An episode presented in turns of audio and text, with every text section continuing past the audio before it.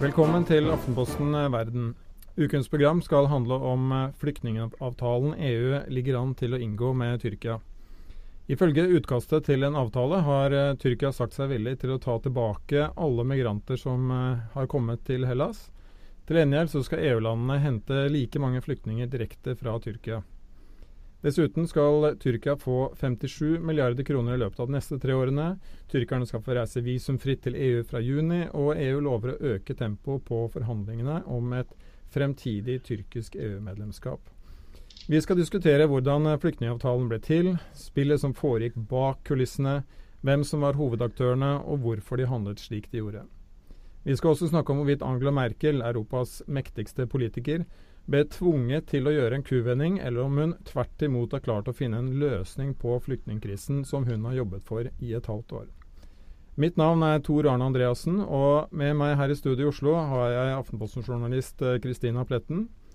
Med oss på Skype for å diskutere flyktningavtalen har vi også Aftenposten-journalist Ingrid Brekke, som for tiden er i Berlin for å skrive bok, og Aftenpostens korrespondent i Brussel, Øystein Langberg. Jeg har lyst til å begynne med deg, Øystein. Du har jo vært i Hellas flere ganger for å møte de mange tusen migrantene som har kommet med gummibåter fra Tyrkia.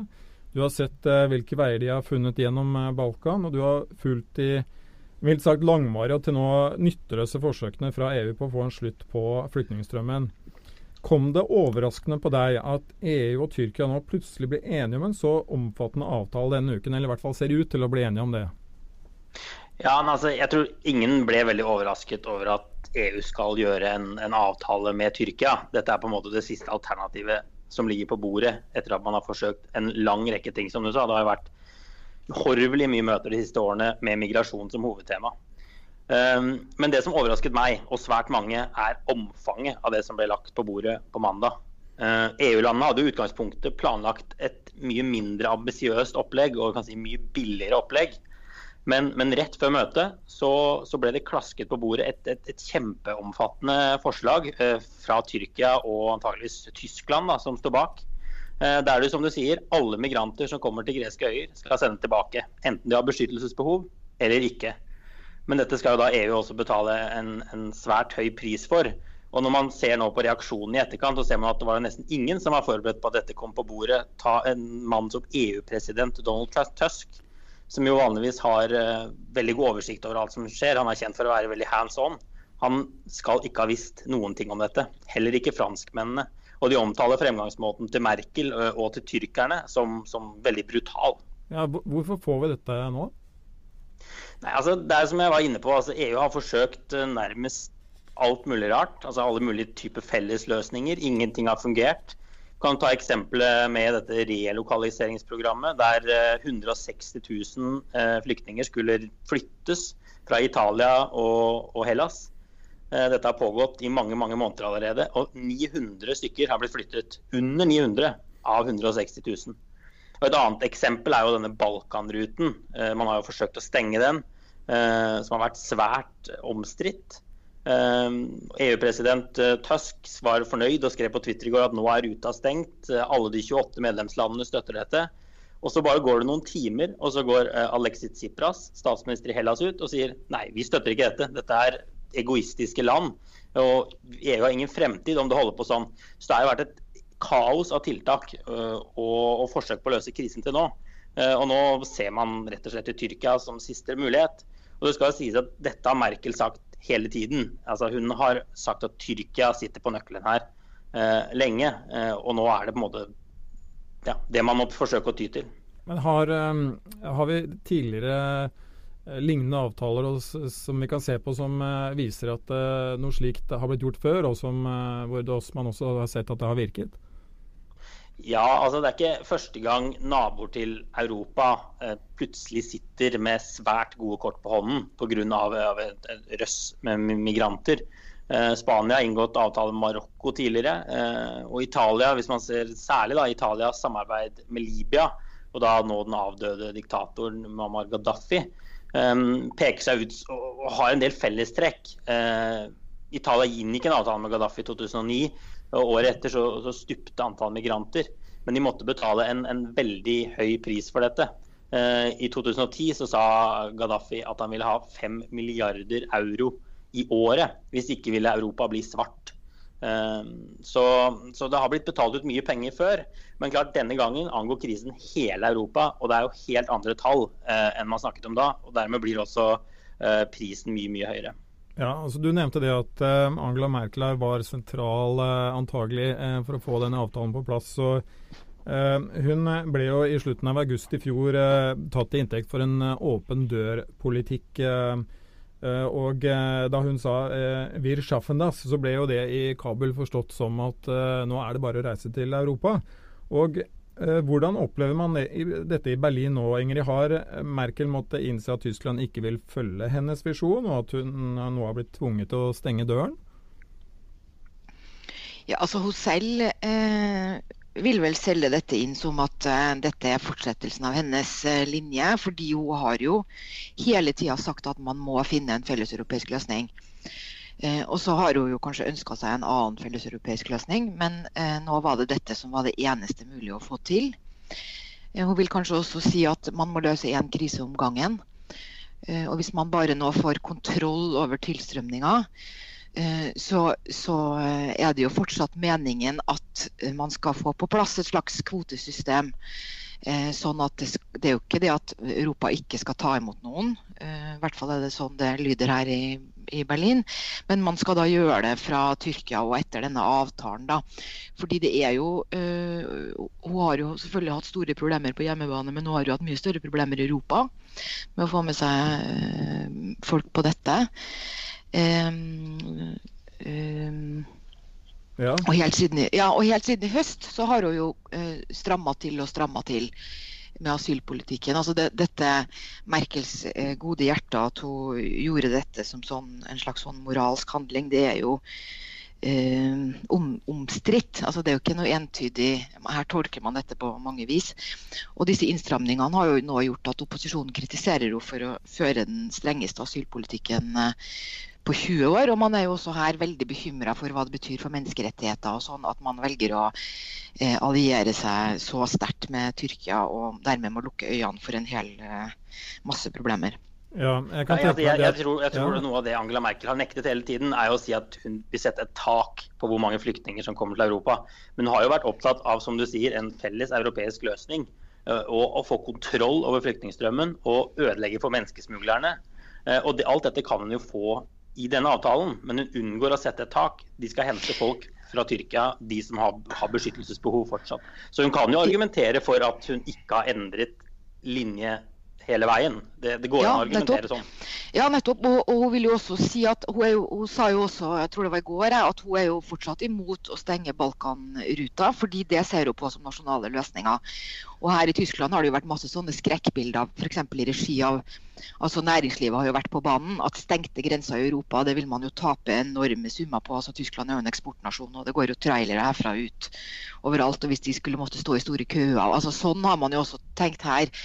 Eh, sånn at nettopp det at Europa fortsetter å være åpen innad, men at man da sperrer folk ute liksom ytterst i Schengen, det har jo hele tida vært en, en, eh, målsetning. Meningsmålinger her hjemme antyder at uh, nordmenn er blitt mer kritisk til innvandring. Og man har kanskje sett det samme i Tyskland. Ingrid, du har vært og, sett dette på nært hold, så vidt jeg har skjønt? Ja, eh, mandag så dro jeg til Leipzig og, og for, å, for, å, oppleve hvordan en Pegida-demonstrasjon foregår. Eh, det vil si det var en, en, eh, blanding av Pegida og Legida, som Pegida heter i Leipzig.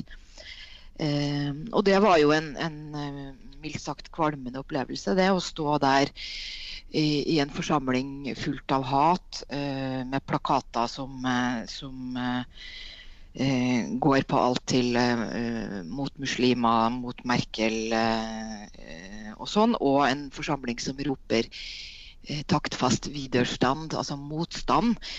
Mens det på scenen blir erklært at Tyskland er på randen av krig. og, og og her gjelder det å yte motstand bl.a. mot butikker som selger halal, og kvinner med hodetørklær og ja, alt mulig. Sånn at eh, det, det, er den, eh, den, ene sida av det, som kanskje hører litt sånn sammen med at det også har vært en sterk økning i høyreekstrem vold. Men de er fortsatt små. altså Pegida har ikke vokst og vokst. og sånn, De er nå de de er. og I Leipzig på mandag var det kanskje 1000.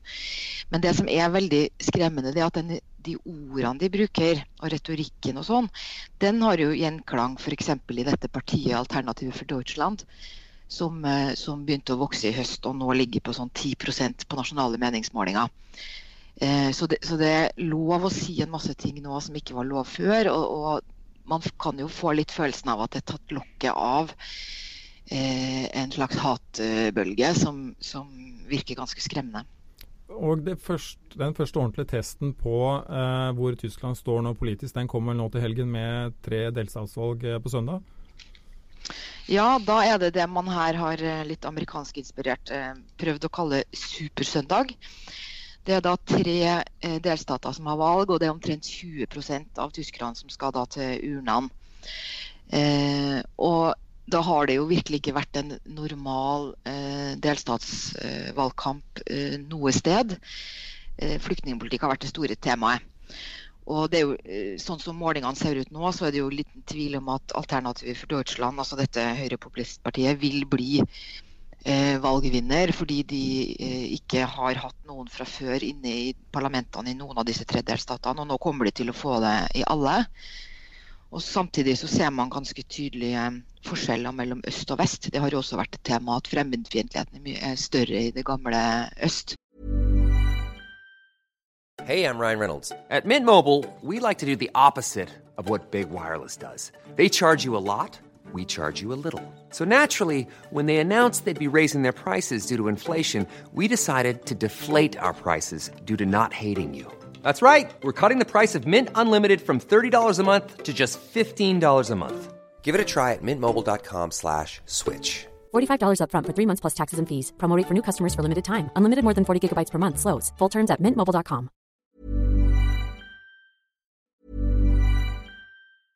Selling a little or a lot? Shopify helps you do your thing however you cha-ching. Shopify is the global commerce platform that helps you sell at every stage of your business. From the launch your online shop stage to the first real life store stage, all the way to the did we just hit a million orders stage. Shopify is there to help you grow. Shopify helps you turn browsers into buyers with the internet's best converting checkout. 36% better on average compared to other leading commerce platforms because businesses that grow grow with Shopify. Get a $1 per month trial period at shopify.com/work. shopify.com/work. Eller det gamle DDR eh, enn i vest og, og, um, og i eh, Saksen-Anhalt, som er den eh, østlige delstaten som har valg nå, der ligger jo AFD helt oppe på 18 så, så, hvor store de blir når det virkelig gjelder, det er et stort spørsmål. Og så er det andre spørsmålet er jo da hvor mye taper eh, Merkels eh, CDO på dette. Uh, og da kan man jo, har man jo sett under hele valgkampen at eh, disse lokale CDU-politikerne prøver jo å holde en viss avstand til Merkel. Eh, og Samtidig så prøver nok hun også å holde en viss avstand til dem. fordi at hvis de gjør det dårlig, så vil jo hun kunne gjøre alt hun kan for å ikke bli påvirka eh, av det. Og Samtidig må det kanskje nevnes at det er en annen utrolig interessant ting som skjer. og det at helt i, i sør-vest i Baden-Würtemberg, der blir jo De Grønne eh, ligger an til å bli det største partiet med 32% og Det kan jo ses som det absolutte motsatte partiet av Alternativ for Deutschland. Det er de mest de, er de mest innvandringsliberale eh, partiet som er. Så det, det, er ikke sånn at alle piler peker bare i én retning. Det er også en viss sånn polarisering på gang, kanskje. Så vi får se. Det blir et utrolig spennende valg som alle nå sitter og, og venter på å kaste seg over hva som skjer, og hvordan de skal tolke det, og Merkels fremtid. og og Alt, det står mye på spill. Denne EU-avtalen, vet man om den vil få innvirkning på utfallet?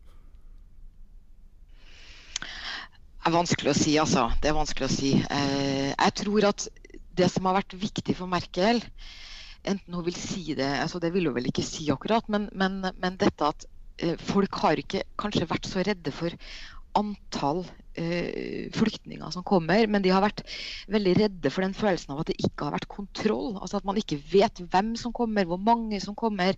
At, man, at ikke folk er riktig registrert, at man ikke har noen lokal plan. Disse tingene.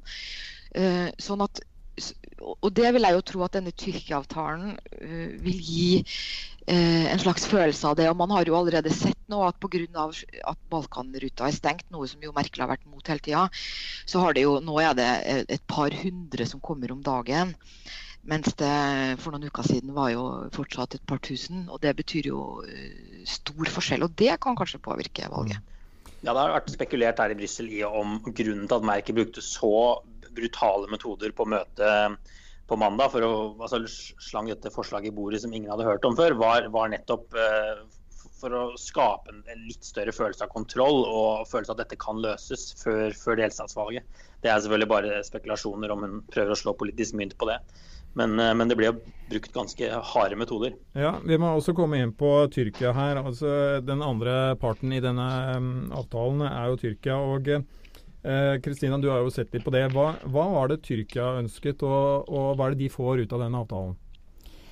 Altså Tyrkia sitter jo, eh, som Øystein sa tidligere, de sitter jo med de beste kortene her nå. Um, Erdogan har presset døren til Europa opp igjen. Uh, Tyrkia begynte jo en liberalisering uh, når Erdogan kom til makten på begynnelsen av 2000-tallet, og innførte en rekke reformer. og og en demokratiseringsprosess. Eh, men de siste årene så har den på en måte blitt reversert. da, Og, og nå ser man jo at uh, Tyrkia i veldig manges øyne går i veldig feil retning. Um, det er mye um, anklager om brudd på menneskerettighetene. Pressefriheten har vi snakket mye om, også i Aftenposten. Um, så det Erdogan uh, får gjennom nå, tenker jeg er to vesentlige ting. Han får presset opp igjen døren til EU. Han får kanskje uh, gjennom dette visum, um, denne visumordningen, altså at tyrkere kan reise på ferie til alle EU-landene, eller alle Schengen-landene faktisk, uten visum. Um, og så er det andre er at han uh, da får ganske massiv økonomisk hjelp til å håndtere alle disse flyktningene som nå er i Tyrkia som vel eh, er et sted mellom to og tre millioner mennesker. Ingen vet helt eh, hvor mange det er. Så, så, for Erdogan så tenker jeg nå er det litt sånn win-win. Han har veldig lite å tape på dette her. Og det er egentlig Europa som har, har, eh, har alt å tape. Og Hva vet vi om uh, hvordan Erdogan spilte sitt spill for å få dette til? Ja, eh, Ingrid snakket om Merkels gode hjerte. Man kan vel stille spørsmål om eh, det samme med Erdogan. Eh, eh, Tyrkia slapp jo inn masse flyktninger. Det var de som hadde den åpneste døren når borgerkrigen i Syria brøt ut. Um, og inntil i fjor sommer så var det veldig få som, eh, som ble sluppet videre til tredjeland. Eh, så plutselig så i, i fjor sommer så kom det en eh, eksplosjon i antall eh, flyktninger fra eh, Tyrkia til Hellas spesielt. da. Og eh, de som er mest konspiratoriske, mener jo at Erdogan har hatt en god finger med i dette spillet og eh, lagt dette presset på Europa med eh, sine mål for øye. Um, og det kan vel argumenteres for at Tyrkia eh, ville hatt mulighet til å stanse i hvert fall denne smuglervirksomheten på en mye mer effektiv måte. De har holdt det nede før, og plutselig så er liksom smuglernettverkene helt oppe i dagen. De står i Istanbul og Ismir og Bodrum og selger sine tjenester.